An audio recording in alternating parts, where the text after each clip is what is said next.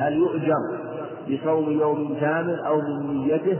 قال بعض العلماء يؤجر بصوم يوم كامل وأن النية تنسحب على أول النهار كما أنه من أدرك ركعة من الصلاة فقد أدرك الصلاة وأن نيته بإدراكه تنسحب على الصلاة من أولها وقيل إنه يكون من حال نيته ويؤجر على ما سبق من جهة أنه أنه أمسك عن آه، أجرا لكن يختلف عن أجر النية عن عن أجر الصوم الذي نواه. والأظهر على القاعدة أنه إنما الأعمال بالنيات وأنه قبل ذلك لا يؤجر أجر الصائم ولهذا يصح صومه ولو كان متأخرا ما لم تقارن نيته غروب الشمس. واللفظ الذي ذكر الصلح بن يحيى عن مجاهد أنه قال منزله الرجل يخرج الصدقه من ماله فان شاء وان شاء أمسكها. هذا الفهم وهذا الكلام من مجاهد جاء مرفوعا عن النبي عليه الصلاة والسلام عند النسائي أنه أخبر لما سئل عن ذلك أو قاله ابتداء أنه قال من؟ يعني أصبح قائما في صوم النفل. ثم أفطر أنه لا بأس بذلك وأن بمنزلة قال عليه الصلاة والسلام هو بمنزلة الرجل يخرج الشيء من ماله فتصدق بما جادت به نفسه وأمسك ما بخلت به نفسه. يعني أن لو أن الإنسان يعني نوى أن يتصدق بمال أو جعل في جيبه مالا يريد أن يتصدق به. وهو لم يخرجه لكن نوى أن يتصدق نوى أن يتصدق بمئة ريال فتصدق بخمسين لا, لا يلزم أن يخرج الخمسين. أخرج إن أخرج الجميع فلا بأس. إن أخرج الجميع فلا بأس. وإن أخرج البعض وأبقى البعض فلا بأس. وهكذا من صام التطوع فلما نوى الصوم ونيته للصوم تكون على جميع اليوم فإكماله للصوم أفضل. وإن لم آه، يكمل الصوم وإن لم يكمل الصوم فإنه لا بأس بذلك. وقد يفهم وقد يظهر أيضا من هذا الخبر من قوله عليه الصلاة والسلام وقياسه وتنفيذه فلا التطوع أن من صام مثلا نصف النهار ثم لما جاء لما انتصف النهار أفطر قد يفهم منه أنه يؤجر أيضا على صومه الذي سبق وإن كان أبطله بالفطر لأنه جعل جعله معذورا على ما تصدق به وقاس الصوم قاس الصوم أو قاسه على الصوم. فلهذا يظهر والله أعلم أنه لو أنه صام نصف يوم فأفطر أنه يؤجر على ما مضى بذلك. لكن أجره على ذلك اليوم لا من جهة أنه صيام من جهة أنه نوع من المصائب من جهة أن الانقطاع عن الشراب والطعام صبر على أقدار الله عز وجل والاختيارية التي اختارها بانقطاعه عن المفطرات التي تفسد الصوم. وفيه أيضا من الفوائد أنه لا يجب إتمام الصوم ولا يجب ولا يجب قضاؤه. لا يجب قضاء الصوم التطوع. يعني لأنه عليه الصلاة لم يذكر قضاء لكن هل يشرع أم لا يشرع؟ الأظهر أنه إذا أراد قضاء صوم التطوع الذي أفطره فهو أفضل. وقد ورد في هذا الباب عدة أخبار أنه عليه الصلاة والسلام قال لفاطمة وعائشة اقضيا يوما مكان. وهذا الخبر جاء من أكثر من طريق. والأقرب أنه حديث حسن. فيحمل هذا الخبر على الاستحباب والأفضل جمعا بين الأخبار وأن من أبطل صومه تطوع فأراد قضاءه فهو أفضل لكن لا يلزمه أن يقضيه. وعن سهل بن سعد رضي الله عنه أن رسول الله صلى الله عليه وسلم قال لا يزال الناس بخير ما عجلوا الفطر. وهذا الخبر أيضا في فضل تعجيل الفطر وتعجيل الفطر سنة. لا يزال الناس بخير ما عجلوا الفطر. في اللفظ الآخر عن أبي عند أبي داود والنسائي أنه لا يزال الدين ظاهرا ما لم تؤخر أمة الفطر حتى تشتبك النجوم. اللفظ الآخر فإن اليهود اليهود تؤخر يعني حتى تشتبك النجوم. ففي هذا دلالة على المسارعة إلى الصوم. وذلك أن الله عز وجل تعبدك بالصوم وجعل للصوم وقتا محددا ابتداء وانتهاء. فلا يشرع أن تزيد عليه. يعني أن تزيد عليه بل متى ما غربت الشمس فيشرع المبادرة. وثبت في صحيح مسلم عن عائشة رضي الله عنها أنها أخبرت عن رجلين من أصحاب النبي صلى الله عليه وسلم أحدهما يؤخر يؤخر الفطر ويؤخر الصلاة والآخر يعجل الفطر ويعجل الصلاة. قالت من الذي يؤجل الفطر ويعجل الصلاة؟ قالوا عبد الله بن مسعود والآخر أبو موسى الأشعري فقالت عن عبد الله بن مسعود عن فعله كذا كان يفعل رسول الله صلى الله عليه وسلم بمعنى أنه يعجل الفطر مبادرة ومسارعة إلى امتثال أمره سبحانه وتعالى. ليس المقصود بانقطاع عن الشراب وسائر المفطرات التعليم تعليم النفس لا المقصود هو الامتثال وترويض النفس على هذه العبادة. وثبت في الصحيحين من حديث سهل بن سعد أنه عليه الصلاة والسلام كان في سفر فغربت الشمس. فقال عليه الصلاة والسلام لرجل أو قال انزل فاجدح لنا. يعني يخلط التمر مع الأقرب مع التمر وهو سوير قال يا رسول عليك قال عليك نهار أو أو نحو هذا. قال انزل فاجدح. وقال ثاني قال انزل فاجدح ثم قال إذا أقبل الليل من ها هنا وأدبر النهار هنا فقد أفطر الصائم. معنى أنه قد أفطر بالفعل أفطر بالقوة وإن لم يفطر بالفعل فهو بمجرد غروب الشمس حل له الفطر وإن لم يفطر. ويشرع إذا كان قد أفطر أن يبادر إلى الفطر بالفعل. ولهذا كان عليه الصلاة والسلام يبادر بالأكل في كل موضع لما هو أنسب له في رمضان. في عيد رمضان كان يبادر إلى الأكل قبل الخروج إلى الصلاة مع أنه ليس بواجب لكن امتثال لأمر الله عز وجل. وفي الأضحى كان يؤخر إلى أن إلى بعد الصلاة عليه الصلاة والسلام. المقصود الأخبار في هذا يدل على مشروعية تعجيل الإفطار. وفي حديث أبي هريرة عن الترمذي أنه عليه الصلاة والسلام قال أحب عبادي إلي أعجلهم فطرا. وعن أنس بن مالك رضي الله عنه قال قال رسول الله صلى الله عليه وسلم تسحروا فإن في السحور بركة متفق عليهما. الحديث سهل وحديث أنس. وهذا الخبر في السحور فالسحور بركة. وفي اللفظ الآخر الحديث الحديث الآخر لا تزال أمتي بخير ما عجلوا الفطر وأخروا السحور. فهو بركة في أكله.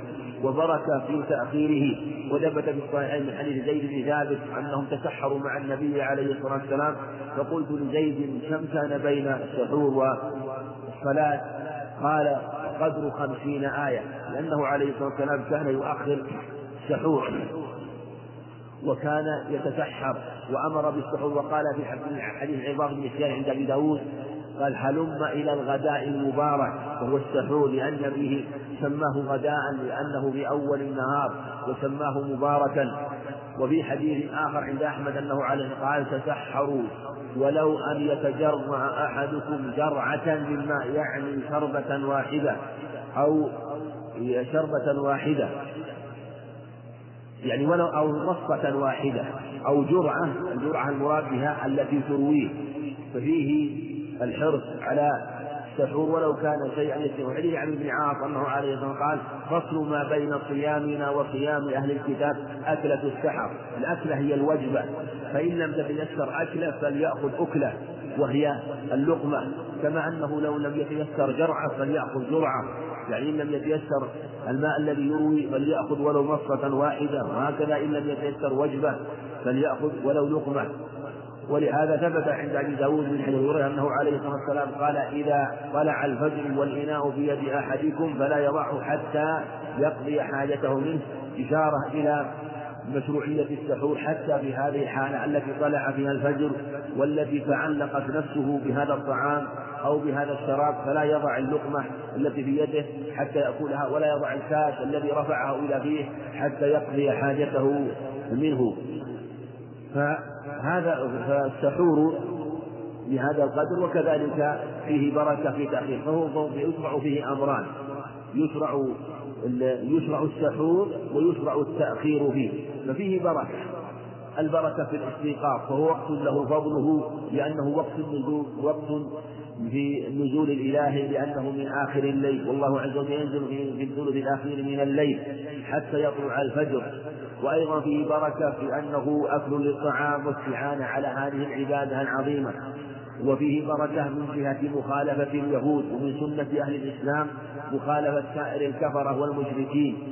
ففيه بركات عظيمة وبركة أيضا بالأجر والثواب من جهة أنه إذا احتسب الأجر والثواب فإنه يجر على ذلك وبركة أيضا من جهة أنه يقوي البدن فإذا قوى البدن قوي على الطاعة وإذا ضعف البدن ضعف عن الطاعة فهذه بركات كلها في السحور ولو كان شيئا يسيرا. وعن سلمان بن عامر الضبي عن النبي صلى الله عليه وسلم قال إذا أفطر أحدكم فليفطر على تمر. فإن, فإن لم يجد فليفطر على ماء فإنه طهور. رواه أحمد وأبو داود والنسائي وابن ماجه والترمذي وهذا لفظه.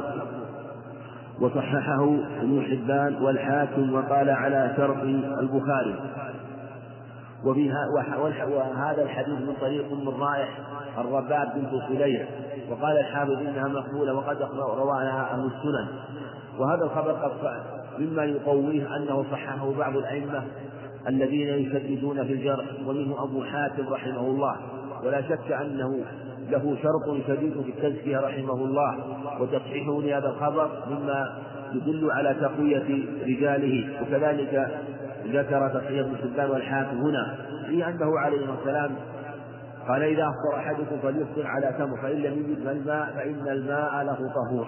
هذه سنة القولية من أمر يدل على مشروعية الفطر على على التمر وهو رطب اليابس.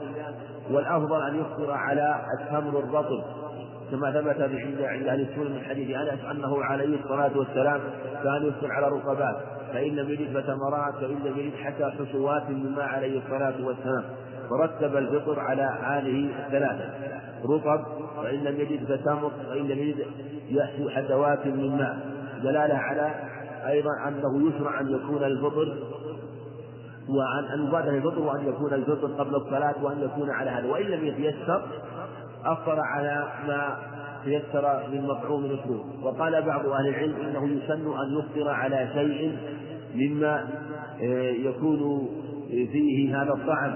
طعم التمر من أنواع الحلويات من جهة وقالوا من جهة المعنى ذكر بعض العلماء وهو أيضا مقرر عند أهل الطب في هذا الزمن أنه يقوي أن الصوم له أثر على البدن وخاصة النظر وهذا والتمر يعطيه قوة في بصره ويمده بالقوة سبب في إمداد القوة فهذا المعنى موجود فيما تكون فيه الحلاوة مماثلة. أو فيكون من باب من باب لحن الخطاب من جهة أنه مساوي للتمر أو من باب فحوى الخطاب إذا كان حلاوته وطعمه يعني أكثر حلاوة من التمر. فالمقصود أنه يصبر على ما تيسر. فإن كان تمرا رطبا فهو أفضل وأكمل وإلا فالتمر وإلا حتى حتوات الماء وإلا ما تيسر. وعن أبي هريرة رضي الله عنه قال نهى رسول الله صلى الله عليه وسلم عن الوصال فقال رجل من المسلمين فإنك يا رسول الله تواصل. قال رسول الله صلى الله عليه وسلم وأيكم مثلي إني أبيت يطعمني ربي ويسقيني. فلما أبوا أن ينتهوا عن الوصال واصل بهم يوما ثم يوما ثم رأوا الهلال فقال لو تأخر الهلال لجدتكم. كالمنكر لهم حين أبوا أن ينتهوا متفق عليه واللفظ لمسلم. وهذا الخبر في النهي عن الوصال ثبت معناه في الصحيحين من حديث ابن عمر في الصحيحين من حديث عائشة الصحيحين من حديث أبي سعيد الخدري. هو بحكم المتواتر بهذه الأخبار وجاءت أخبار أخرى في هذا الباب دلالة على النهي عن الوصال.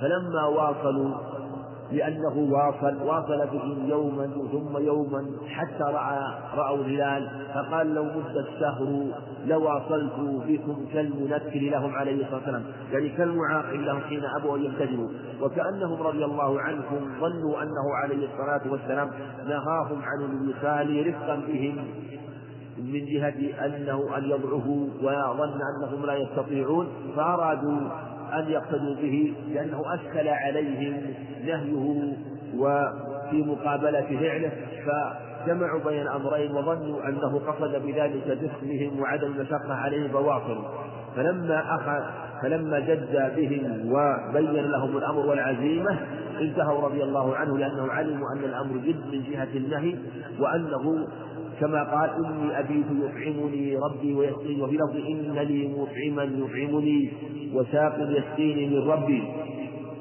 وهذا ما ينزله عليه من نفحات الأنس وأرواح القدس التي يمد بها عليه الصلاة والسلام في قوته على الصوت. وهذا يشاهد كما ذكر ابن القيم رحمه الله في من يلازم الذكر والأعمال الصالحة فإنه يعطى قوة عظيمة.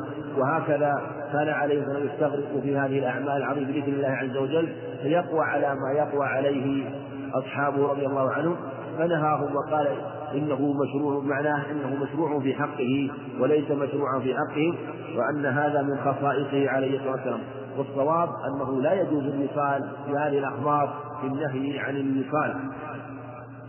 إنما يجوز الوصال بالسحر إلى سحر كما ثبت في صحيح البخاري عن أبي سعيد الخدري رضي الله عنه أنه قال أيكم فأيكم أراد أن يواصل فليواصل إلى السحر بمعنى أنه من أراد أن يواصل فليواصل إلى السحر فيؤخر إفطاره من أول النهار إلى آخر الليل وهذا رخصة والصواب جوازه وإن كان الأولى المبادرة إلى الفطر لكن كأنه أراد عليه الصلاة والسلام رخصة لهم لما سألوه ذلك إلى السحر وهو في الحقيقة ليس صوما ليس صوما لأنه أكل في الليل فلم يؤخر الصوم فلم يؤخره إلى اليوم الثاني ولم ولم يرخص الصوم إلى اليوم الثاني إنما تأخير وجبة العشاء من أول من أول الليل إلى آخر الليل.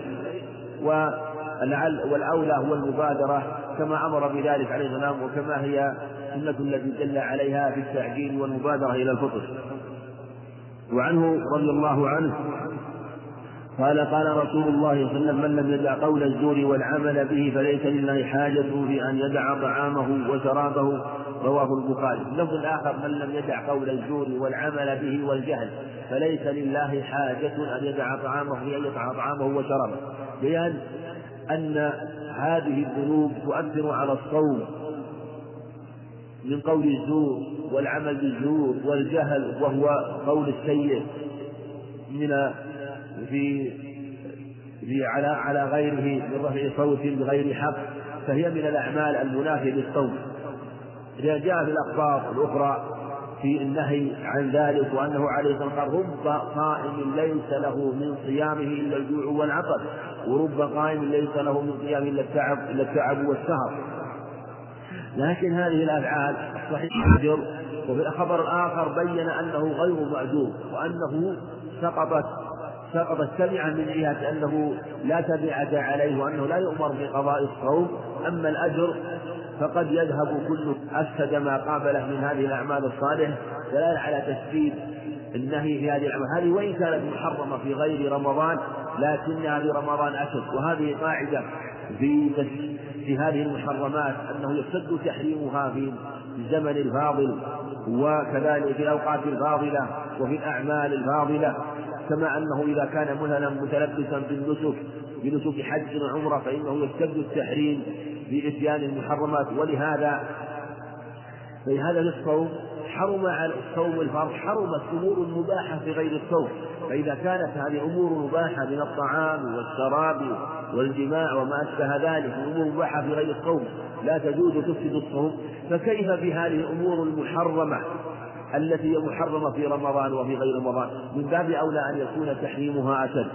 وعن زيد بن خالد الجهني رضي الله عنه عن النبي صلى الله عليه وسلم قال من فطر صائم كتب له مثل أجره إلا أنه لا ينقص من أجل الصائم شيء. رواه الإمام أحمد. وهذا لفظه وابن ماجه وابن حبان والنسائي والترمذي وصححه.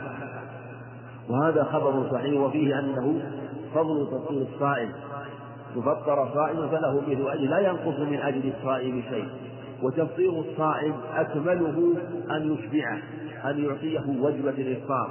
هذا هو الأجر المترتب وأقله أن يعطي أن يطعمه ما يفطر عليه بشربة ماء أو تمرة وهذه له أجره من حيث الجملة من جهة أنه فطر صائم لكن الأجر المترتب آه، فيه لا يحصل إلا بإتباعه. وكلما كانت حاجة الصائم إلى الفطر أشد كلما كان الأجر أعظم لأنه ينضم إلى أنه فطر صائما أنه أطعم جائعا. ومن أطعم جائعا فإن الله سبحانه وتعالى يطعمه من دماغ الجنة. وعن عائشة رضي الله عنها قالت كان رسول الله صلى الله عليه وسلم يقبل وهو صائم ويباشر وهو صائم ولكنه كان أملككم لإربه متفق عليه واللفظ لمسلم. وله عنها رضي الله عنها قالت كان رسول الله صلى الله عليه وسلم يقبل وهو في رمضان وهو صائم. وفي هذا الخبر أنه كان يقبل وهو صائم كان يقبلها عليه الصلاة والسلام لأنه لا بأس بالقبلة للصائم قد ويباشر وهو صائم. هذا عموم بعد الخصوص لأن المباشرة أعم من التقبيل والمباشرة وضع البشرة على البشرة فكأنه يفعل ما هو أبلغ من التكبير وهو مباشرة عليه الصلاة والسلام. وكان أملككم لإربه قيل ضبطه لإربه وقيل لأربه وهو على ذي أمر إما المراد به الحاجة أو لعضوه عليه الصلاة والسلام. فهو أملك لحاجته وأملك لعضوه. وفيه إشارة إلى أن من كان يملك نفسه ويأمن ما يفسد صومه فلا بأس أن عللت بعلة عللت بعلة فإذا وجدت هذه العلة فلا بأس بذلك. ثم الأصل أنه القدوة والأسوة عليه الصلاة والسلام. وجاء في عدة أخبار أنه أذن ورخص في ذلك لما قال إني وأفعله وأنا أنا وهذه يعني أم سلمة. لما سأله ذلك الشاب ولم ينهه عليه الصلاة والسلام. وفي وروى أبو داود عن عمر بإسناد جيد أنه عليه أنه قال يا رسول حشفت فقال يا رسول الله حشفت يعني ارتحت وخفت نفسي لأهلي فقبلت وأنا صائم. ولقد قال أتيت أمرا عظيما. عشت وأنا صائم. فقال عليه الصلاة والسلام أرأيت لو تمضمضت قال لا بأس. قال فمح يعني فما الأمر أو لا شيء عليك؟ لأنه كما أن التقليل مقدمة للجماع فكذلك المضمضة مقدمة للشرب. وكما أن المضمضة لا تفطر الصائم فكذلك التقليل لا يفطر الصائم إلا أن فيه إشارة خفية من جهة أنه يأخذ يحتاط فإذا خشي أن يفسد صومه فلا.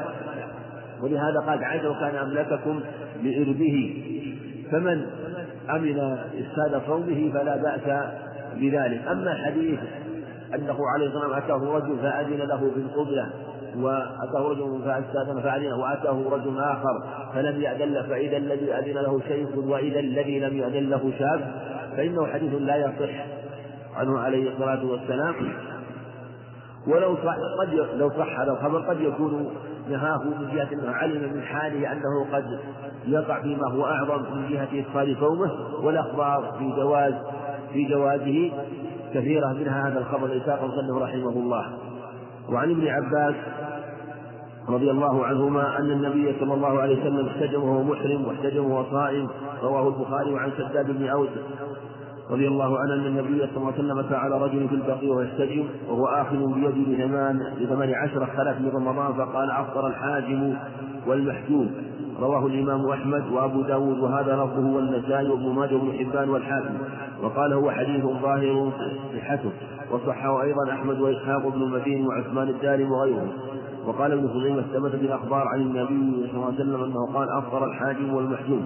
وعن أنس بن مالك رضي الله عنه قال أول ما كرهت الحجامة للصائم أن جعفر بن أبي طالب احتجم وهو صائم فمر به النبي صلى الله عليه وسلم فقال أفطر هذا ثم رخص النبي صلى الله عليه وسلم بعد في الحجامة للصائم.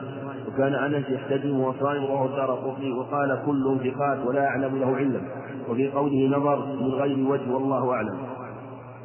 حديث ابن عباس احتجم وهو صائم واحتجم محرم له ألفاظ لأنه احتجم وهو صائم واحتجم محرم وفي لفظ احتجم وهو صائم محرم وفي لفظ احتجم وهو احتجم وهو محرم عليه الصلاة والسلام حسب. وفي لفظ آخر احتجم وهو صائم. فهو أربعة ألفاظ احتجم وهو محرم وهذا في الصحيحين.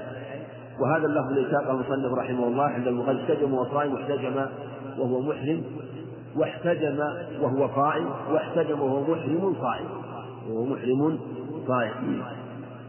فالذي في الصحيحين احتجم وهو محرم و من حديث عبد الله بن محيمة وفي صحيح صحيح البخاري احتجم وهو محرم واحتجم وهو صائم وعند أهل السنن احتجم وهو محرم صائم. اللفظ الآخر احتجم وهو صائم. فهي أربعة ألفاظ لكن اللفظ الأول من حديث اللفظ الأول في الصحيحين من حديث عبد الله بن محيم احتجم وهو محرم عليه الصلاة والسلام. ولهذا اختلف العلماء في خبر ابن عباس ومنهم من قال إنه مضطرب. وهذا الخبر يدل على لا بأس بالحجامة للصائم كما قاله جمهور العلماء. وقالوا إن احتجام الصائم ظاهره أن الحجامة وقعت في صيام رمضان وأيضا إخباره كذلك أو في وفي ظاهره أنه قال أخبر أنه هو صائم فجعله صائما باحتجامه. جعله صائما باحتجامه وأنه لم يكتب صومه بالاحتجام. وأخبر أنه صائم. دل على أن الحجامة لا تفسد الصوم من جهة أن سماه صائم وهو محتجم وذهب آخر من العلم وهو القول المشهور المذهب إلى أن الحجامة تفطر الصائم كما في هذا الخبر عن شداد بن أوس وجاء في معنى أخبار كثيرة من حديث ثوبان عند رابع بن خديج وهي أخبار كثيرة نحو ثلاثة عشر خبر قال بعض العلماء إنها متواترة وهو في أنه قال أفطر الحاجم والمحجوم. فقالوا إن هذه الأخبار تدل على أنه يفطر والقول الآخر يعني مسألة أنها جائزة مع الكراهة. فالأقوال ثلاثة. أنه جائز مطلق أنه جائز بلا كراهة تجوز بلا كراهة. القول الثاني أنه تجوز مع أنها لا تجوز الحجام الصائم وأنها مفطرة القول الثالث أنها تجوز مع الكراهة. تجوز الحجامة مع الكراهة. وهذا القول وسط بين الأقوال وهو أنه جائز لكن مع الكراهة. لما ثبت في صحيح البخاري أنه عليه أنه رضي الله عنه عن أنس رضي الله عنه أنه قيل أكنتم تكرهون الحجامة للصائم؟ قال لا إلا من أجل الضعف. والأخبار التي جاءت في أنه أفطر الحاجم والمحجوم الأقرب أنها منسوخة إما أن يقال منسوخة أو يجمع بينها وبين أخبار أخرى بالحمل على الأولى وعدم الحجامة. والقول بالنسخ اضحك وهي وإن كانت أخبار كثيرة لكن ما يمنع أن تنسخ الأخبار الكثيرة بالخبر بخبر واحد. ما يدل على النسخ ما ذكر المصنف رحمه الله في حديث أنس عند الدار قطني أنه عليه الصلاة والسلام رخص في الحجامة بعد. والترخيص هو حديث صحيح حديث أنس. والترخيص لا يكون إلا بعد النهي. دلالة على أن شأن الحجامة كان في أول الأمر أنه منهي عنها للأخبار السابقة في هذا ثم رخص في الحجامة عليه الصلاة والسلام. وما يدل على الناس أيضا ما رواه النسائي والدار قطن في ابن سعيد أنه عليه الصلاة والسلام أذن رخص في الحجامة. ويشهد له أيضا حديث عبد الرحمن بن أبي ليلى عن رجل من أصحاب النبي صلى الله عليه وسلم أنه عليه الصلاة والسلام رخص في الحجامة. فهذه ثلاثة أخبار ويمكن أن يكون في المعنى أخبار أخرى لمن تأمل الباب. تدل على أنه رخص في الحجامة وأنه أذن بها عليه الصلاة والسلام. فعلى هذا أقول لا بأس بها لكن الأولى هو تركها و أو تكون الحجامة ليلا ولأن الحجامة في الغالب تضعف الصائم. ولهذا قال أنس إلا من أجل الضعف. ففهم أنها إذا كانت تضعف الصائم فإنه يبتعد عنها وإذا اشتد به الأمر وخشي أنها تفطره وغلب على ظنه أنها تفطره فإنه لا يجوز له ذلك لأنه يقدم على أمر يغلب على الظن به إفساد الصوم.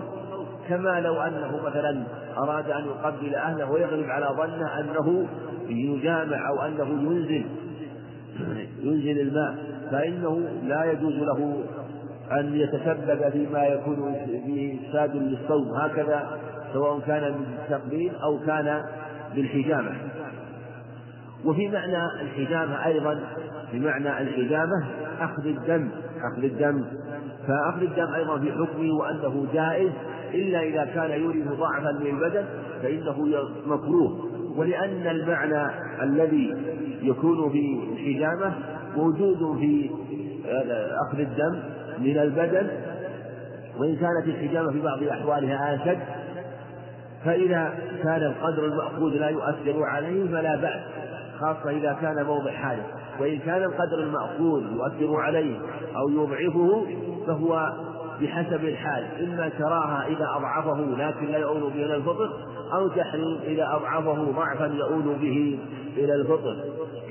إلا إذا كان ما غلب على ظنه سبب في إنقاذ أخيه المسلم فإن الصحيح إنه يجوز للمسلم أن يفطر إذا كان في إفطاره إنقاذا المسلم ولو رأى مثلا أخل يغرق في الماء يقول لا أستطيع إنقاذه إلا أن أشرب وأفطر وإلا ما أستطيع السباحة نقول الأقل فلو تركه الهلك نقول يفطر أو يتعين عليه الفطر حتى ينقذ أخاه من الهلكة وعن أبي هريرة رضي الله عنه قال قال رسول الله صلى الله عليه وسلم من نسي وهو صائم فأكل أو شرب فليتم صومه فإنما أطعمه الله وسقاه متفق عليه وهذا له مسلم وللبخاري فاكل أو شرب وللدار قطني والحاكم وصححه من أفطر في رمضان ناسيا فلا قضاء عليه ولا كفارة. وها حديث أبي هريرة من نسي وصائم فاكل أو شرب فليتم صومه فإنما أطعمه الله وساقه. في لفظ عند لفظ آخر عند الترمذي إنما هو رزق ساقه الله إليه. وفي لفظ آخر عند الدار قطني والحاكم هنا وأخرجه ابن خزيمة وابن حبان والحاكم ولفظ صحيح. قال فلا قضاء عليه ولا كفارة في دلالة لما قاله ابن رحمه الله الشافعي أن من نسي أنه صائم فأكل أو شرب فإن صومه صحيح وهو رزق ساقه الله إليه. وهو أيضا موافق للقياس ولأنه ليس من كسب القلب. والله سبحانه يقول ولكن يؤاخذكم بما كسبت قلوبكم. ف ولهذا لو نسي في صلاته يتكلم أو نسي في صلاته فأكل أو شرب فإن صلاته صحيحة ولا تفسد. فكذلك الصوم أيضا من باب أولى أنه لو أفسده لو أكل أو شرب فصومه صحيح. ومما يدل وهذا مأخوذ من الخبر في الصحيحين. فإنما أطعمه الله وسقاه ولم يذكر في هذا الخبر شيئا يدل على أنه أنه يكتب الصوم بل أطعمه الله وسقاه فالخبر الصحيح دال على صحة الصوم وإما يوضحه اللفظ الآخر كان المصنف رحمه الله ولفظ صحيح فلا قضاء اللفظ الآخر من أفطر في رمضان فلا قضاء عليه كفارة صرح برمضان وصرح بانتفاء القضاء. فهذا القول أصح. لموافقته لهذا الخبر عن أبي هريرة رضي الله عنه وعنه يعني عن أبي هريرة عن النبي صلى الله عليه وسلم قال من ذرعه القي فلا قضاء عليه ومن استقاء فعليه القضاء رواه الإمام أحمد وأبو داود. قال سمعت أحمد يقول ليس من ذا شيء والنسائي وابن ماجه. وهذا لفظه والتمري وقال حديث حسن غريب. وقال قال محمد يعني البخاري لا أراه محفوظا. والدار قطني وقال في رواته كلهم كلهم ثقات والحاكم. وقال صحيح على شرطه ورواه النسائي أيضا موقوفا. وقد روي عن أبي هريرة أنه قال في القيء أنه قال في القيء لا يفطر وهذا الخبر عند أهل السنن خبر جيد خلافا لمضاعفه صواب صحة الخبر لأنه من ذرعه القيء فلا قضاء عليه. ومن استقاء فعليه القضاء. ذرعه غلبه. ومن استقاء فعليه القضاء. فمن ذرعه القيء خرج القيء منه. رغم أنفه بدون فعل منه فإن صومه صحيح. وهذا جار على قاعدة الشريعة لأنه لا يكلف الله نفسه إلا وسعها. لا يكلف نفسه إلا وسعها. كذلك أنه من جهة أن الفعل غير منسوب إليه. لأن إذا درع وغلب فهو غير منسوب إليه. مثل ما لو أجبر على الفطر عن بالقوة فالفعل غير منسوب إليه فلا تفريط منه فصومه صحيح فذرعه غلب ومن استقاء فعليه قضاء بمعنى أنه تعمد القيد فمن تعمد القيد فإنه مفسد للقيد والتعمد لاستخراج القيد لا يجوز إلا لسبب فمن استقاء بلا سبب فإنه استقاء بلا سبب فعليه أمران أن صومه فاسد وأنه آثم لأنه بالحقيقة في حكم من أفطر أما إذا استقاء لسبب وهذا هو الغالب أن الإنسان لا يستقي إلا لسبب لأنه مثلا آه، أتعبه الطعام كثرة الطعام وأعطاه بالسخن مثلا فخشي من من آه، شر الطعام فأراد أن يستقي أن يستقيم. فلا بأس بذلك من باب التداوي والعلاج إذا وجد السبب. أما إذا كان استقاء بغير سبب فلا يجوز. نقول ما دل عليه هذا الخبر؟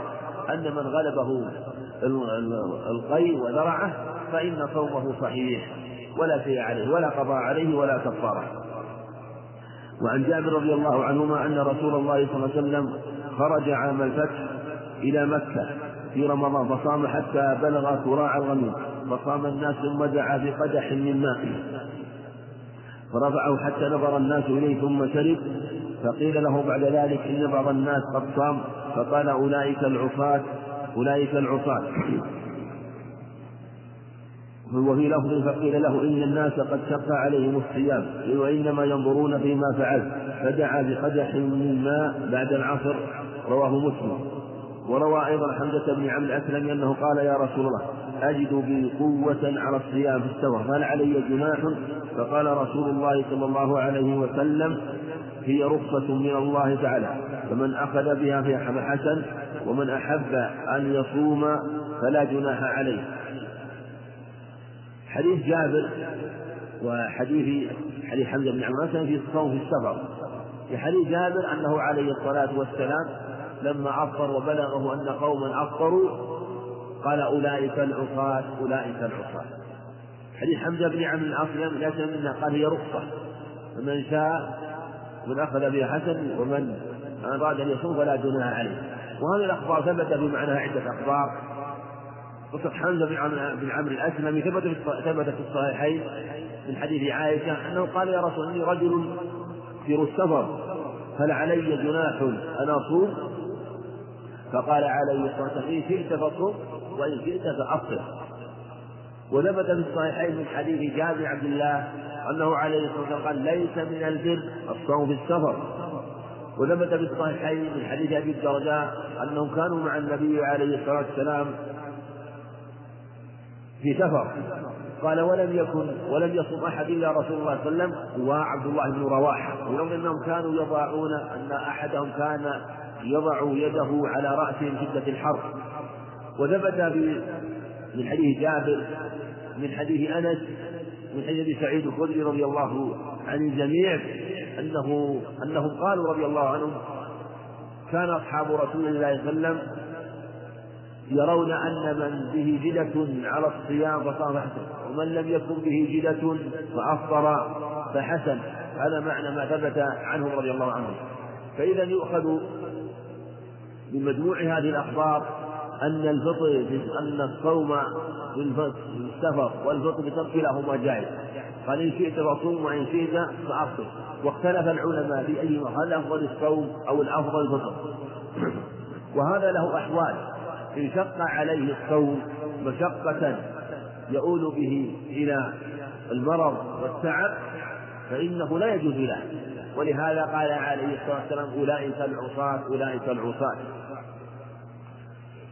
هذا يجب عليه أن يفطر إذا آل به الأمر إلى هذه الحال. الحال الثاني إذا كان يشق عليه يشق عليه لكن لا يضره. فالأفضل فالأفضل الفطر لقوله عليه ليس من البر الصيام في السفر.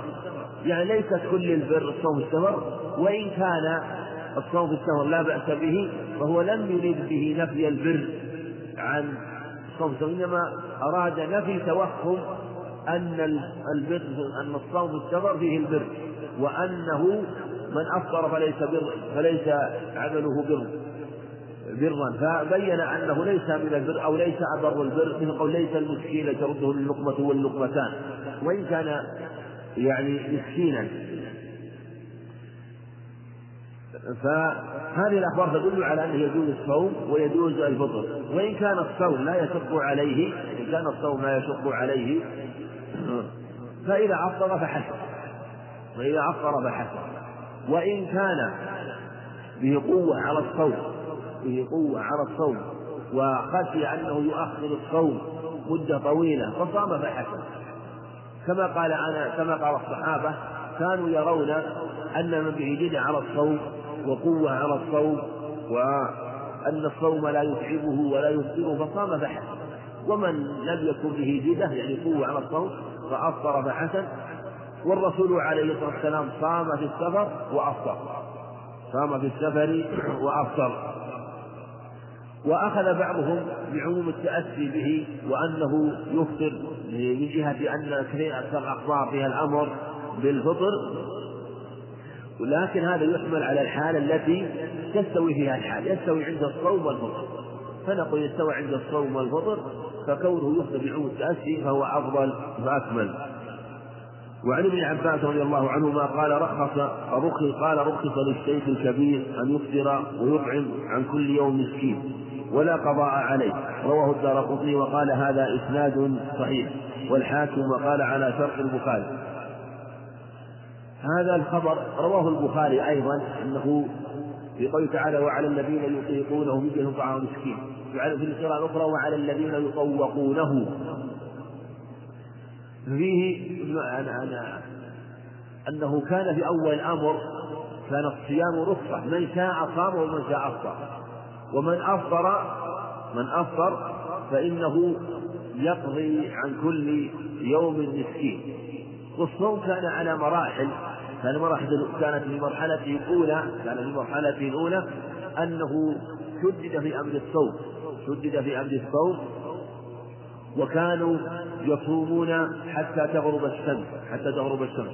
فإذا نام أحدهم أو صلى العشاء قبل أن يأكل حرم عليه الطعام والشراب والجماع إلى الغد إلى أن تغرب الشمس الغد فجعل الأكل أو صلاة العشاء حدا لانتهاء الطعام والشراب. فإذا فإذا نام مثلا فإذا نام بعد الغروب حرم عليه. وإذا أو حلم عباس إذا صلى العشاء. فقيل أنه مقيد بالنوم أو صلاة العشاء. وقيل إنه مقيد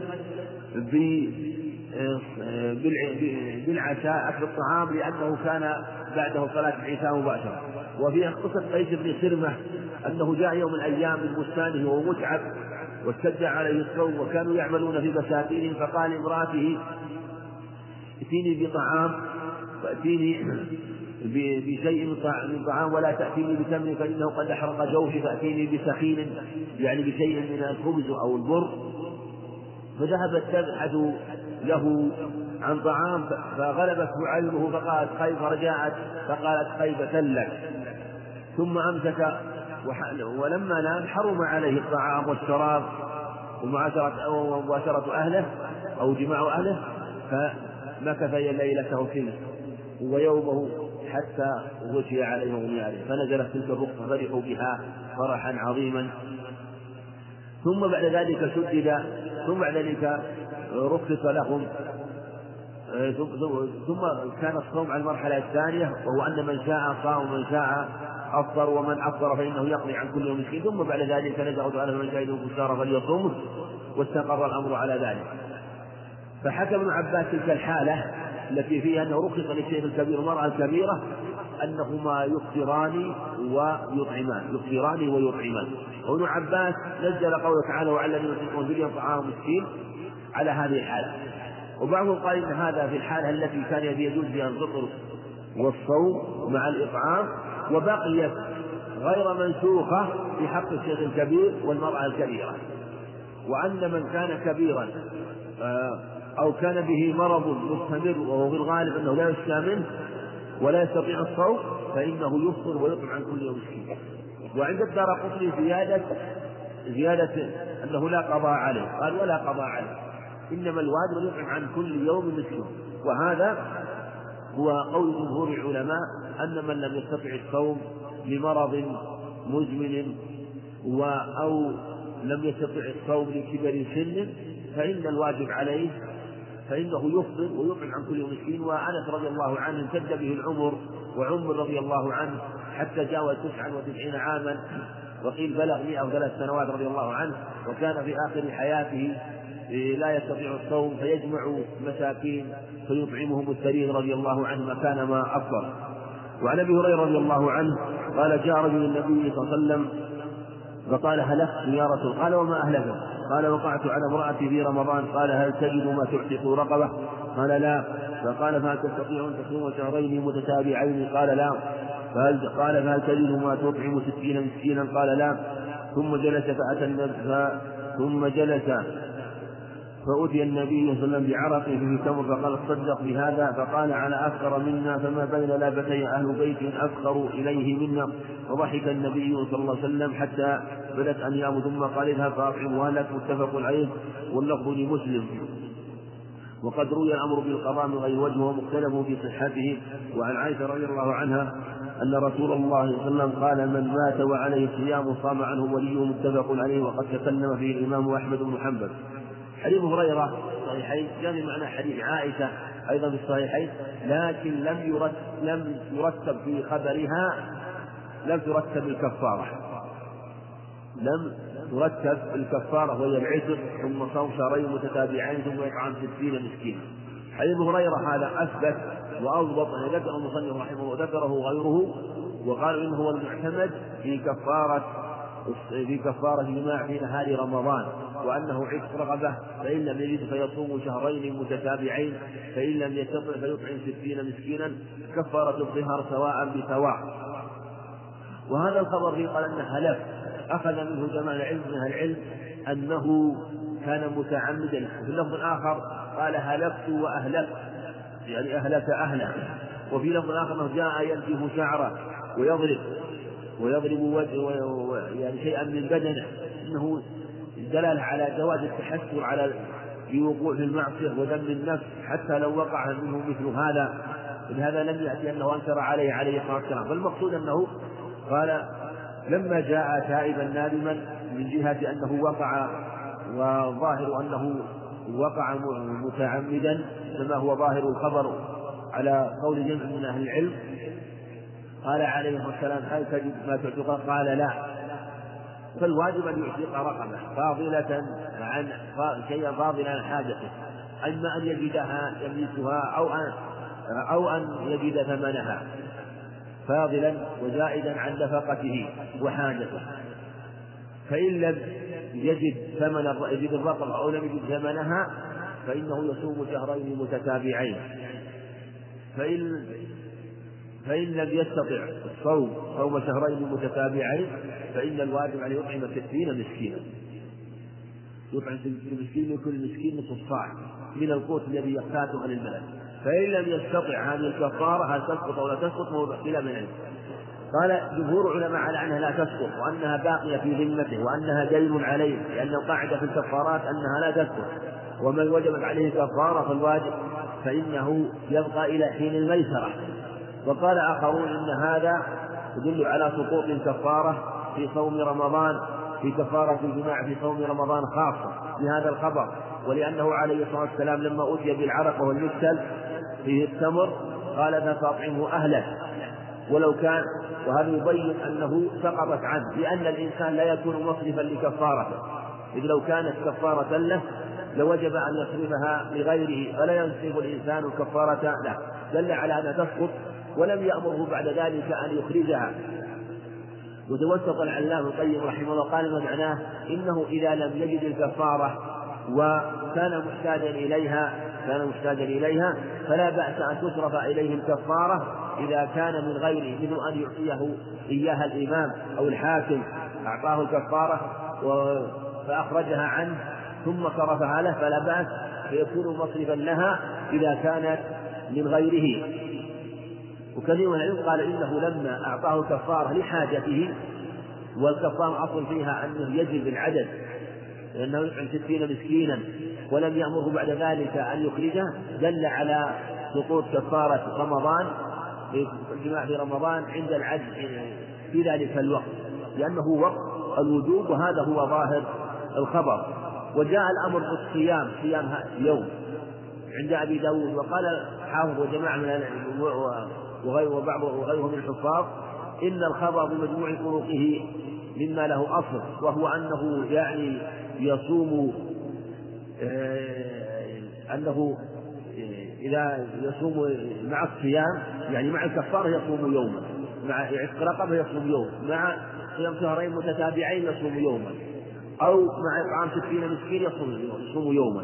المقصود أن قالوا صيام اليوم واجب عند جماهير العلماء مع الكفارة سواء كفر بالعتق أو كفر بالصيام أو كفر بالإطعام.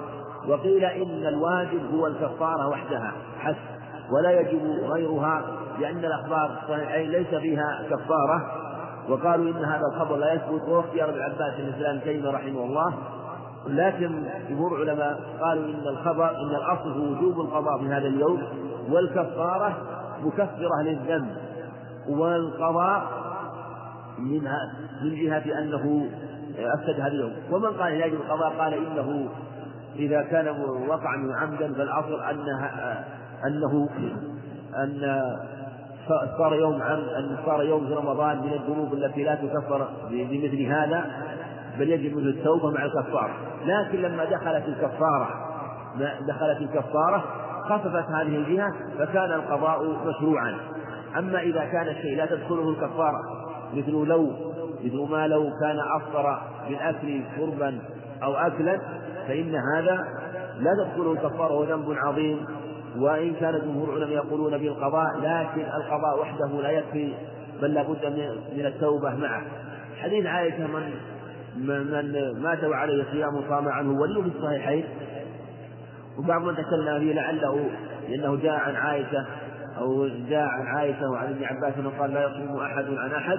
والصوم ما دل عليه هذا الخبر؟ أنه قال من صام من من مات وعليه صيام صام عنه وليه. من مات وعليه صيام صام عنه وليه. وهذا الخبر اختلف العلماء. منهم من قال إن الصيام يقضى عن الميت سواء كان الصوم صوم نذر أو صوم أو صوما واجب. ومنهم من قال لا يصام عن الميت مطلقا. ومنهم من فرق بين صوم النذر وصوم ال... وصوم الفرض صوم رمضان. فقالوا إنه يقطع عن صوم النذر وهذا اختيار ابن عباس بن القيم رحمه الله وظاهر وقال احمد رحمه الله وقالوا إن هذا هو المنقول عن الصحابة عن ابن عباس وعائشة وقال إن هذا من فقههم وفهمهم وقالوا إن الصيام الذي في هذا الخبر هو الصيام الذي عليه وهو الذي أوجبه على نفسه وهذا لا يكون إلا في صوم في الصوم في صوم النذر. ومن أخذ بالعموم فله حجة في هذا من جهة أنه عليه قال من صام عليه صيام وهو عام في كل صوم. وهذا أقرب من جهة العموم وأن من صام مات وعليه صيام صام عنه وليه لكنه في الصوم الذي أوجبه على نفسه آكد من الصوم الذي وجب بالشرع ووليه المراد بقريبه المراد به قريبه فإذا صام عنه قريبه أدى وكذلك لو صام عنه غير قريب على الصحيح. وذكر في الخبر القريب لأنه هو الذي يعتني بأمر قريبه ولو صام عنه غيره فلا بأس. ولأنه في خبر آخر شبه هذا الدين شبه هذا الصوم بالكفارة شبهه شبهه بالدين. قال أرأيت لو كان على أمك دين لو كان على أمك أكنت قاضية؟ قال قال فاقضي الله فالله حق بالقضاء. ولو أن إنسان عليه دين فقضى إنسان أجنبي برئت ذمته. فهكذا إذا كان الدين لله فقضاه عنه أجنبي فإنه يبرئ ذمته والله أعلم. نقف على باب في قيام شهر رمضان. الحامل والمرضع صحيح فيما أنهم حكم حكم المريض أنها حكم أن حكم حكم المريض وأنها إذا عصرت فلا فإن الواجب عليها القضاء ولا كفارة هذا صحيح. أنها حكم حكمين وتقضي ولا كفارة عليها. أحسن الله إليكم. يقول السائل فضيلة الشيخ نويت أن أصوم يوم الاثنين من الفجر. نويت أن أصوم يوم الاثنين من الفجر ثم استيقظت وأكلت الفطور ثم تذكرت وأكملت الصيام. هل عملي هذا صحيح؟ لا بأس. والصوم صحيح. إذا ما دام أنه أكل وناسي فإذا كان الأكل ناسي الشرب ناسي لا يفسد صوم الفرض فكونه لا يفسد صوم التطوع من باب أولى. وقد جاء وقد روى عبد الرزاق عن ابي هريره رضي الله عنه انه جاءه رجل يساله فقال أصبحت وأنا صائم قال حسن أي لا بأس. قال فجئت إلى رجل فأطعمني نسيت فأكلت وشربت فأكلت وشربت. فقال لا بأس. قال ثم ذهبت إلى رجل آخر فنسيت في نفس اليوم فأكلت وشربت. قال لا بأس. قال فجئت رجلا آخر أو صاحبا لآخر فأكلت وشربت. قال أبو هريرة إنك رجل لم تتعود بالصوم من جهة أنه أكل ثلاث مرات يعني ثلاث وجبات. المفروض لا بأس لو أكل أو شرب وهو وهو ناس لصومه فصومه صحيح إذا كان نفل أو كان آه، فرض كما تقدم. نعم. أحسن الله إليكم. يقول السائل فضيلة الشيخ بعض الناس إذا أذن يستمر في الأكل حتى ينتهي الأذان هل يجوز ذلك الشيء؟ هذا يختلف. إذا كان المؤذن الذي أذن يغلب على الظن أنه يؤذن على الوقت مؤذن على الوقت أو كنت أنت لا تدري وتقلدته ففي هذه الحالة عليك أن تمتنع عن الطعام عن عن المفطرات عند سماعك للأذان. أما إذا كان مؤذن الذي يؤذن يشك في أذانه أو أذن إنسان وحده بين الناس أذن إنسان بين وحده بين الناس أو أنك تعلم الوقت في هذه الحالة لا لأن غالب المؤذن لأن المؤذنين اليوم يعتمدون على التقاويم. والتقاويم هذه مجرد غلبة ظن مجرد غلبة ظن ويحتملها ما يحتملها. لكن إذا كنا إذا كنا لا نعلم طلوع الفجر إلا من طريق سماع المؤذن ومن طريق التوقيت المعتاد فإن الأصل أن يعتمد ولأن ولأن هذه التقاويم بنيت على معرفة طلوع الفجر فتعتمد.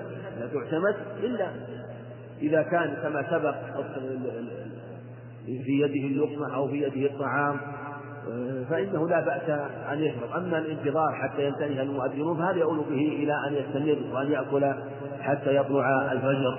نعم. الله إليكم. يقول السائل امرأة عجزت عن الصوم عامين متتاليين بسبب الحمل والإرضاع فما الحكم؟ الواجب عليها أن تقضي. الواجب عليها القضاء. فإذا كانت لم تقضي شهر رمضان الذي مضى حتى جاء رمضان الثاني فيقال ينظر هل تركت قضاء رمضان قضاء رمضان الأول حتى حضر قضاء رمضان الثاني لعذر أو لغير عذر؟ إن كان لعذر لكونها لم تستطع الصوم حتى حضر رمضان الثاني أفطرت رمضان لسنة مضت ثم جاء رمضان ثاني ولم تقضي ذلك الشهر. وقالت وسألناها قلنا لما قالت أنا لم أستطع لأنه تواصل بي مثلا الحمل أو أو شق عليها.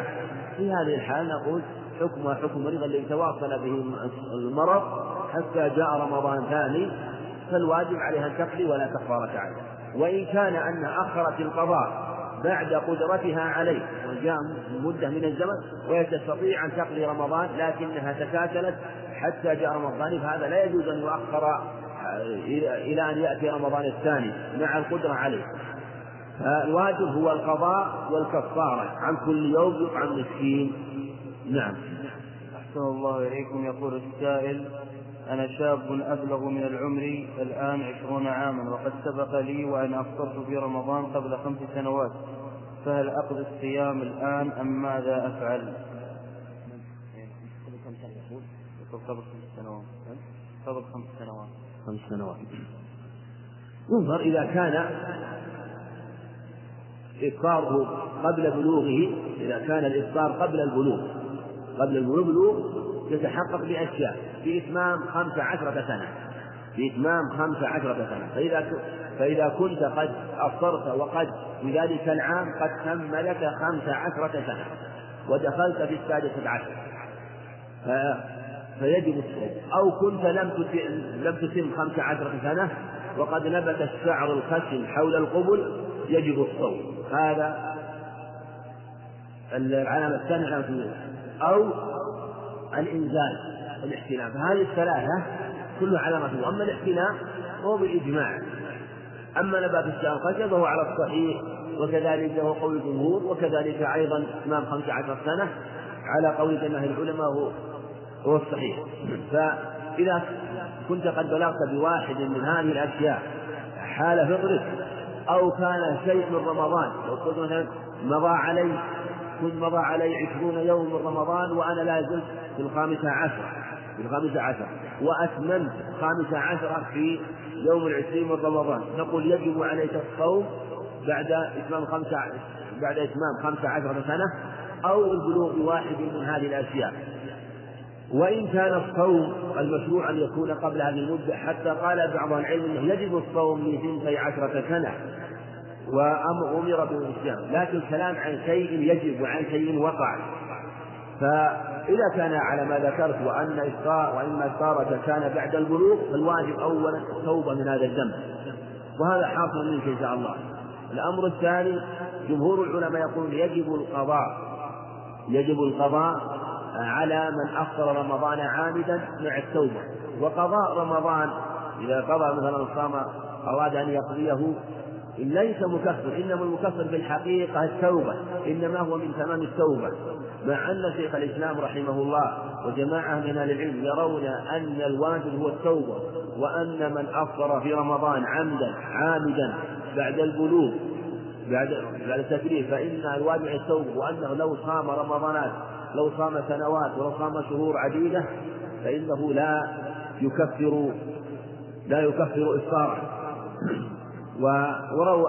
رووا الخبر في هذا من أفطر يوم رمضان عامدا لم يقضي عن الصيام الدهر ولكنه خبر لا يثبت ولعل مما يؤيد وجوب القضاء ما جاء في الخبر أنه عليه السلام أمر ذلك الرجل الذي جمع أهله بقضاء ذلك اليوم. فإذا والأظهر والله أعلم أن المعتمد على التوبة العمدة على التوبة وقضاءه لرمضان من باب الاحتياط في هذه المسألة التي هي من المسائل الخلافية. اختلف العلماء من المسائل الخلافية فإذا احتاط المكلف وأتم توبته بقضاء رمضان فإنه هو الأولى والأكمل. أحسن الله إليكم يقول السائل لو قام رجل في بلده ثم قدم لبلد آخر قام بعد بلده. وقد أكمل رمضان ثلاثين يوما فهل يصوم اليوم الواحد والثلاثين بالنسبة له معهم أم يفطر؟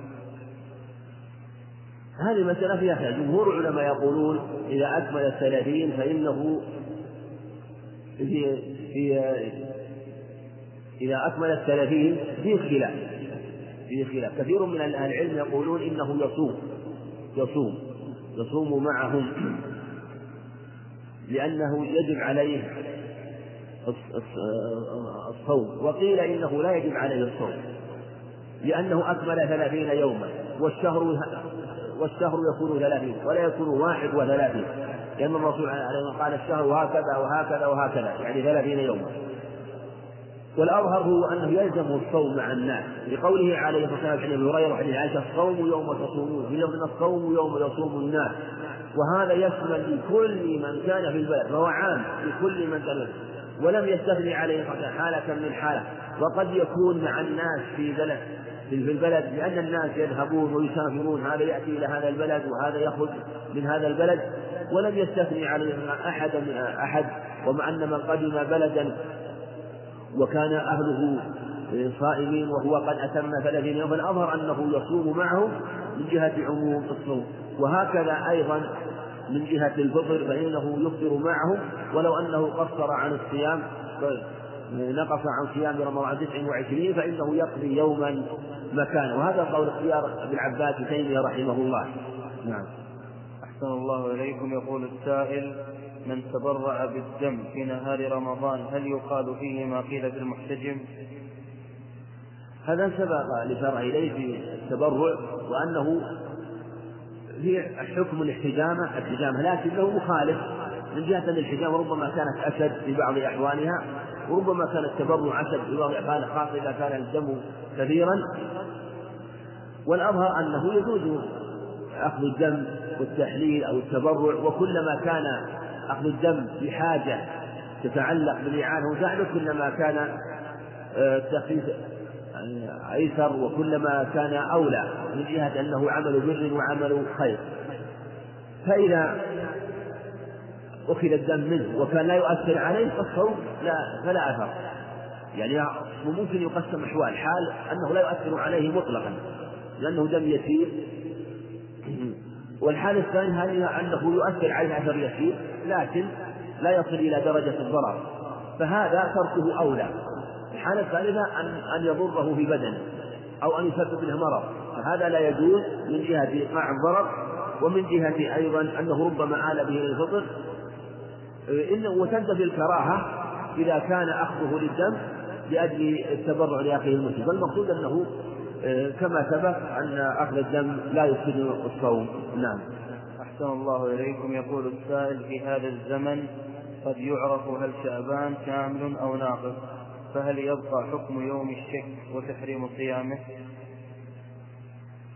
إيه نعم يعرف لأنه إذا عرف دخول شهر شعبان إذا عرفنا شهر شعبان فإننا آه، نعرف إذا عرفنا وسط شهر شعبان وعلمنا دخوله مثلا علمنا دخل ليلة الجمعة شعبان مثلا علمنا أن دخل يوم الجمعة واحد يقين يعني علمنا دخوله بالرؤيا فهو يقين واحد.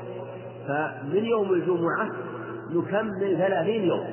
فإذا جاء ليلة الثلاثين ليلة الثلاثين من شعبان فليلة الثلاثين ينظر إن كان فيه غيب أو خطر فهي ليلة الشك لأن هذه الليلة هي ليلة الثلاثين يقين. وقد تحتمل أنها ليلة واحد من رمضان لأن الشهر قد رؤي وشعبان وتحققنا دخوله فإذا تحققنا دخول شهر شعبان وإثبات شهر شعبان فإننا نتحقق إتمامه فإذا كان ليلة في قتر أو غيم أو غبرة فهو ليس. إذا لم يكن فيه غيم وشيء يحوج إلى منظره فهي والسماء صحو فهي ليلة ليس ليلة شك ولهذا قال عليه الصلاة والسلام أحسوا هلال شعبان لرمضان كما يعرف وفي, لفظ كان يتحفظ يتحفظ لشهر رمضان لأن يحصى هلال شعبان. أما إذا كان لم يرى لم يرى الهلال هلال شعبان فإنه يكمل الشهر الذي قبله. وقيل يكمل ثلاثة أشهر يكمل ثلاثة أشهر. يعني قبل شهر شعبان بشهرين أو يكمل الشهر الذي قبله وشهر شعبان. ويكمل شهر شعبان ولأن آه، الغالب أنه تتم ثلاثة أشهر والأقل أنها أربعة أشهر قليلة. فإذا أكمل ثلاثة أشهر آه، قبل شعبان بشهرين ثم شهر شعبان ثم رمضان فتحققنا دخول رمضان واليقين هو بأن نثبت هلال شعبان بالرؤية فإذا أثبتنا هلال شعبان بالرؤية حصل المقصود من إتمام شعبان أو وجود الشك إذا كان فيه غيم أو غبر أو قتر. نعم. أحسن الله إليكم يقول السائل. فضيلة الشيخ رجل حصل له حادث ثم توفي في هذا الحادث ستة أشخاص وهو سلم وبعد مدة يسيرة صار عليه حادث فتوفي في هذا الحادث. فما الواجب على وليه الآن؟ على وليه الآن؟ علما أن أقاربه شرعوا في الصيام عنه فهل فعلهم هذا صحيح؟ من وجبت عليه الكفارة لأن في الحوادث مثلا وكان القتل قتل خطأ فالواجب عليه الكفارة بعدد. فإذا كان واحد وجب عليه كفارة القتل اثنان فالواجب كفارتان. ثلاثة فالواجب ثلاث كفارات. فإذا كان وجب عليه الصوم فعليه عن صوم عن عن الواحد صوم شهرين عن اثنين أربعة أشهر عن الثلاثة ستة أشهر. هذا هو الواجب عليه. وكفار القتل خطأ والقتل كفارته العتق والصيام وليس فيه إطعام على الصحيح بخلاف كفارة رمضان وكفارة الظهار وفيها العتق وفيها الصيام وفيها الإطعام. أما القتل ففيه الكفارة العتق والصيام. ثم الواجب أن يصوم أن يصوم هو. وإذا صام شهرا كفارة واحدة كفارة واحدة وأراد أن يرتاح فلا بأس. ثم يصوم عن الكفارة الثانية يصوم عن الكفارة الثانية وإذا كان قد وجد مدة ومهلة وجد مدة ومهلة ولم يصم ثم بعد ذلك مات. مات. أو قتل في حادث. فهذا موضوع نظر هل يصام عنه أو يصام إذا كان قد وجد مدة وهو لم يصم فالأظهر أنه يشرع الصوم عنه. يصوم عنه وليه بعموم قوله عليه من مات وعليه صيام قام عنه وليه لأنه حصل مدة ووجدت فترة وأمكنه القضاء لكنه لم يقضي فالواجب أن يصام فالمشروع أن يصام عنه يصوم عنه وليه وهو قريبة أو غيره ممن لم يكن من أقربائه بقدر الكفارة وإن لم يصوموا فلا شيء عليهم ولا يلزمهم ولأنه نوع من التبرع والتبرر ولا تزر وازرة وزر أخرى فمن صام عنه أفضل وهذا شامل لجميع أنواع الصيام سواء كان بعوم هذا الخبر سواء كان في نذر أو كان صوم كفارة. أحسن الله إليكم. يقول السائل ذكرت حفظك الله. حكم من جامع زوجته في رمضان ولكن ما حكم الزوجة هل عليها كفارة؟ إذا كانت غير راغبة فما الحكم؟ الزوجة جمهور العلماء يقولون أن حكم الزوجة حكم حكم زوجها وأن الكفارة على وأن الكفارة كما تجب على المرأة الرجل تجب على المرأة. هكذا قالوا وقال أصل الاستواء في الأحكام فكما أمر الرجل بالكفارة فالمرأة مأمورة بالكفارة وكونها لم تنقل لا يدل على عدمها. هذا الأصل استواء الأحكام في جميع الأحوال في هذا وفي غيره. وقال وقال آخر من العلم إن الكفارة كفارة واحدة ولا تلزم المرأة كفارة ولأنه لم يذكر في الحديث الكفارة على المرأة إنما ذكرت الكفارة على الرجل. ولو كانت واجبة لبينها عليه الصلاة والسلام ولأن تأخير البيان عن وقت الحاجة لا يجوز وبيانها من أهم الأشياء فلما سكت عنها وخاصة أنها لما خفيت على هذا الرجل ولم يعرفها فخفاؤها على زوجته من باب أولى. أما إذا كانت مرغمة أرغمها على ذلك وأجبرها على ذلك بالقهر والقوة فلا كفارة عليها. وصومها صحيح ولا قضاء لهذا اليوم. كمثل ما لو أجبر على الفطر عمدا بطعام وشراب فإنه لا قضاء عليه ولا كفارة. والله أعلم وصلى الله وسلم وبارك على نبينا محمد. الحمد لله رب العالمين والصلاة والسلام على نبينا محمد وعلى آله وأصحابه وأتباعه بإحسان إلى يوم الدين. أما بعد فيقول الإمام الحافظ بن عبد الهادي رحمه الله تعالى باب في قيام شهر رمضان.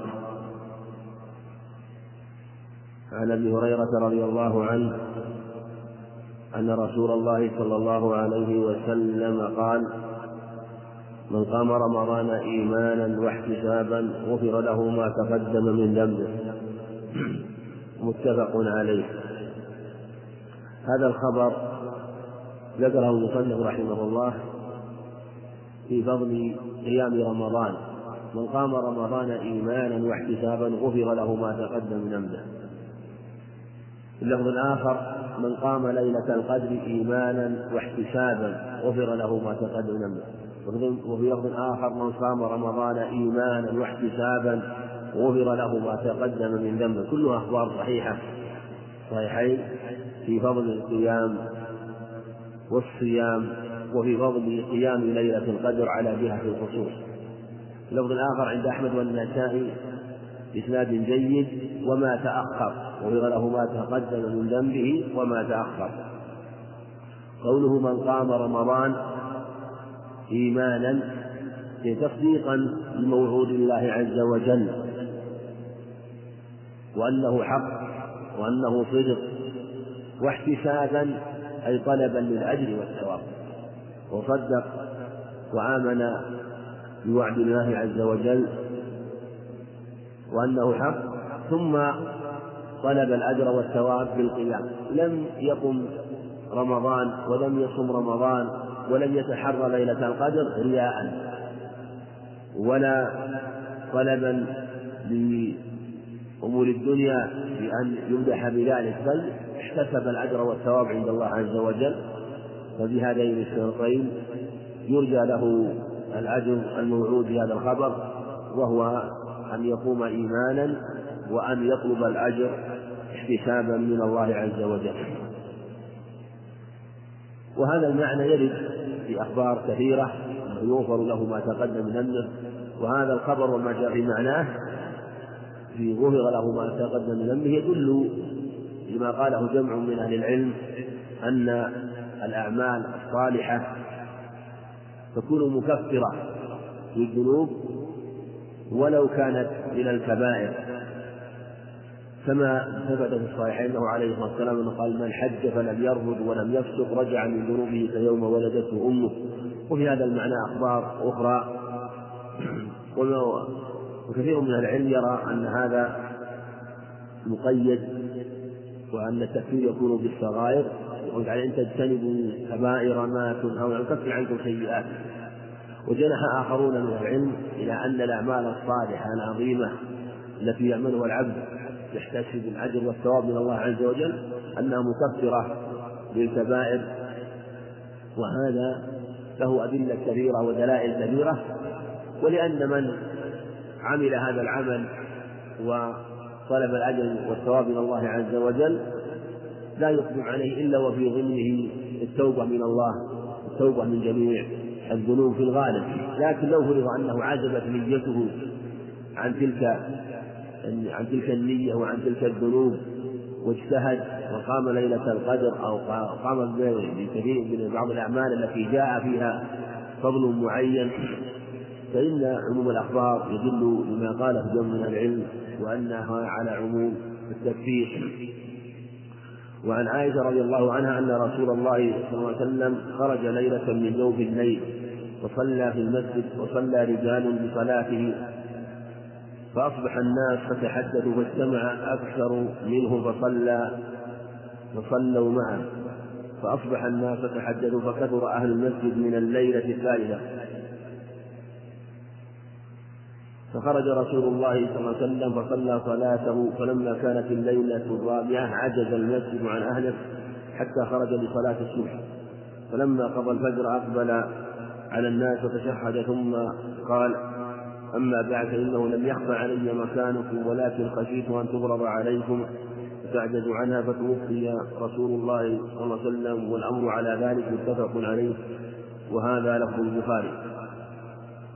وهذا فيه أنه عليه الصلاة والسلام صلى بهم في المسجد وأنه صلى من عدة ليالي وجاء في بعضها أنه صلى ثلاث ليالي وبعضها أنه صلى أربع ليالي. وفي حديث ابن ثابت ابن ثابت الصحيحين معناه أيضا أنه اتخذ حصيرا عليه الصلاة والسلام. في حديث عائشة عند البخاري أنه اتخذ أيضا حصيرا وجعل يصلي فيه وكان يحتجره بالليل ويبسطه في النهار عليه الصلاة والسلام ويجلس عليه. وقيل إن هذه الصلاة في المسجد وقعت في المسجد ووقع في قصة أخرى في بيته عليه الصلاة والسلام. المقصود أنه صلى بهم وفي بعضها بعضها أنه كان يصلي وكانوا يرون شخصه وكانوا يرونه إذا قام. وإذا سجد أو ركع اختفى لا يرونه لأنه احتجر بالحفيظ كأنه أراد أن يعتزل في هذا المكان وأن يصلي. فلما كثروا خشي أن يفرض عليه. ولهذا في حديث ثابت قال أنه عليه قال أفضل صلاة أفضل صلاة المرء في بيته إلا المكتوبة. لما أخبر لما رآهم استمعوا ولم يخرج إليهم أخبر أن أفضل صلاة المرء في بيته إلا المكتوبة وإلا ما استثني من الصلاة المشروعة في المسجد جماعة كصلاة التراويح وإذا أدل على ذلك. وكذلك غيرها من الصلوات كصلاة الكسوف وخسوف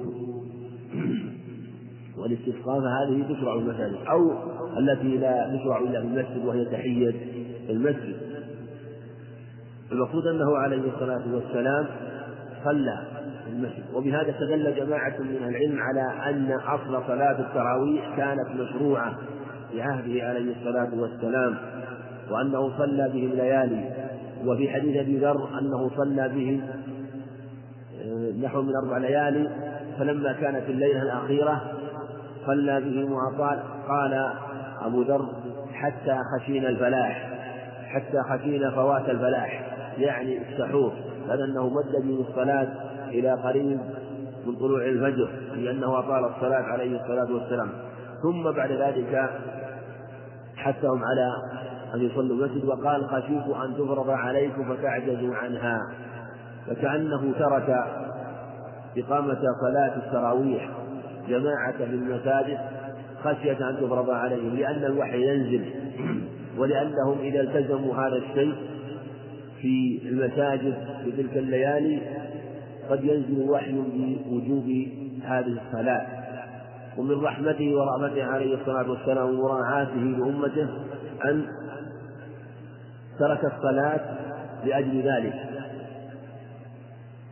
وقوله أن تفرض عليكم قال جمع من العلم كالحاوي الحجر يعني خشيت أن يجعل أن تجعل صلاة التراويح أن أن يجعل من شرط صحة صلاة التراويح أن تصلى جماعة في المساجد وأنها لا تصح أن تصلى بالبيوت فلهذا ترك الصلاة خشية أن تفرض لا فرضا مطلقا بمعنى أنها أن يجعل إقامتها في المساجد فرض على الناس.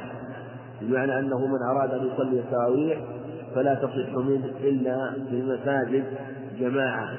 ولا شك أن هذا قد يكون فيه مشقة و وأن من أراد أن يصلي في بيته أو من لم يتيسر أن يصلي في المسجد أو جماعة أرادوا أن يصلوا في غير المسجد فلا شك أن فيه شيء أن أن فيه شيئا من المشقة. فلهذا ترك الصلاة عليه الصلاة والسلام صار يصلي في بيته. وأمر الناس بأن يصلوها بيوتهم ثم لما أمن ذلك بانقطاع الوحي عملها الصحابة رضي الله عنهم وصلوها. وفي عهد أبي بكر رضي الله عنه لم يتيسر له ذلك.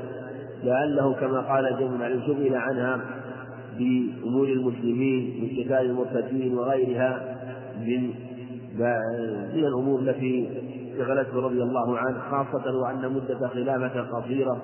ثم لما كان عهد عمر صلى بالناس وأقامها وأمر الصحابة وأمر الإمام أن يصلي بالناس رضي الله عنه. فكانت سنة بذلك الوقت ولم يزل آه، أهل العلم يقرونها ويعملون بها لكن اختلفوا في تعدادها وجاءت الأخبار عنه عليه الصلاة والسلام كما سبق بأنها بأن الصلاة في الليل مشروعة ولو كثرت والمقصود أن السنة فيها أن تصلى والأفضل أن تصلى مثنى مثنى لقوله عليه الصلاة والسلام صلاة الليل مثنى مثنى وعنها يعني عن عائشة رضي الله عنها قالت كان رسول الله صلى الله عليه وسلم إذا دخل العشر شد مئزره وأحيا ليلة وأيقظ أهله متفق عليه.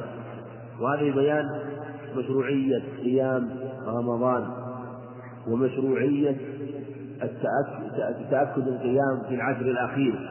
ولهذا كان عليه الصلاة والسلام إذا دخل العشر الأخير شد مئزره وأيقظ أهله. وهو كناية عن الجد في العبادة. وقيل إنه المراد باعتزال النساء وجاء في رواية أنه سد مئزره واعتزل النساء. وكان يعتكف عليه الصلاة والسلام واعتكف عشرا ثم اعتكف عشرا ثم اعتكف عشرا عليه الصلاة والسلام. وفي سنة من سنوات اعتكف عشرين اعتكف عشرا ثم يلتمس ليلة القدر اعتكف العشر الأوسط. ثم قيل إن الذي تطلب أمامك فاعتكف العشر الأخير عليه الصلاة والسلام. ففيه اجتهاد في رمضان وخصوصا في العشر الأواخر لأن ليالي العشر الأواخر هي من أفضل الليالي.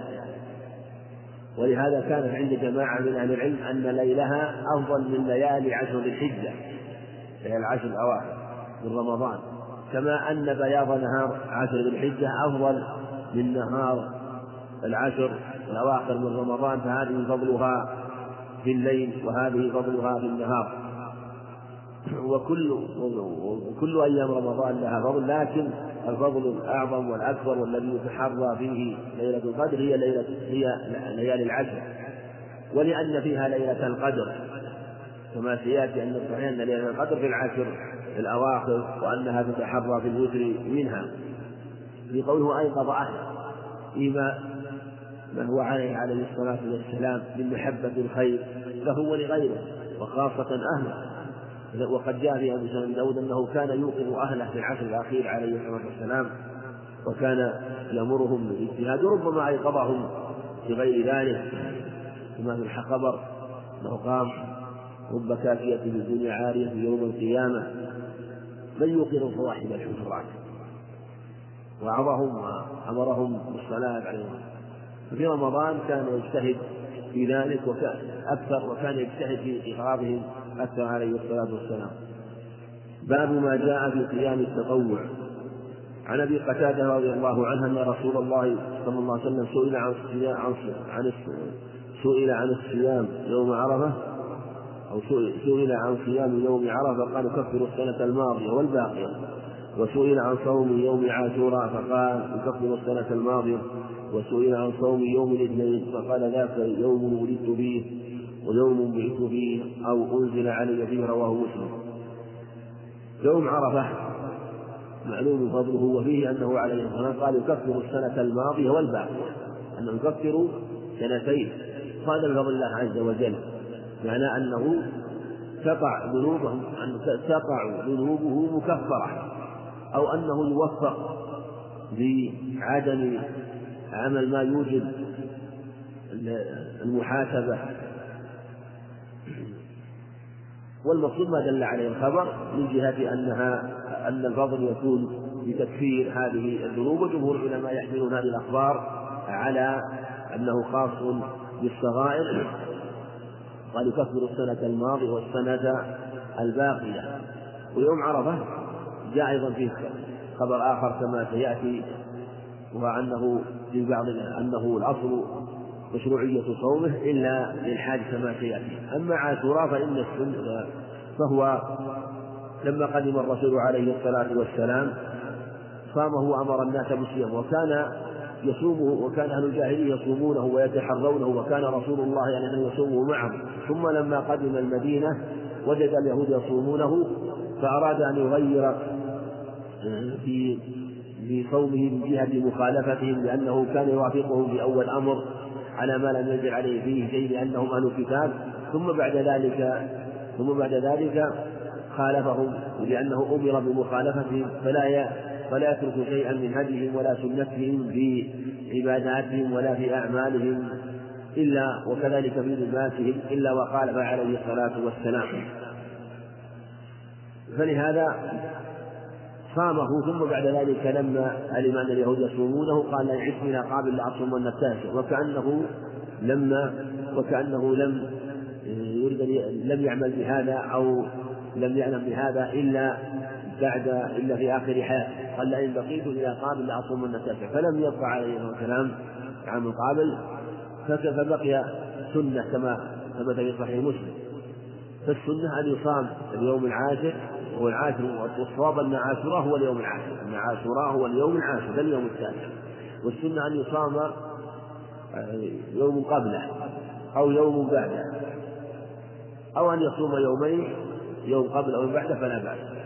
كله مشروع وإن بادر بالمخالفة بالمخالفة آه، في يوم قبله لأنه نوع من المسابقة في مخالفة أهل الكتاب ومخالفة اليهود فهو أفضل.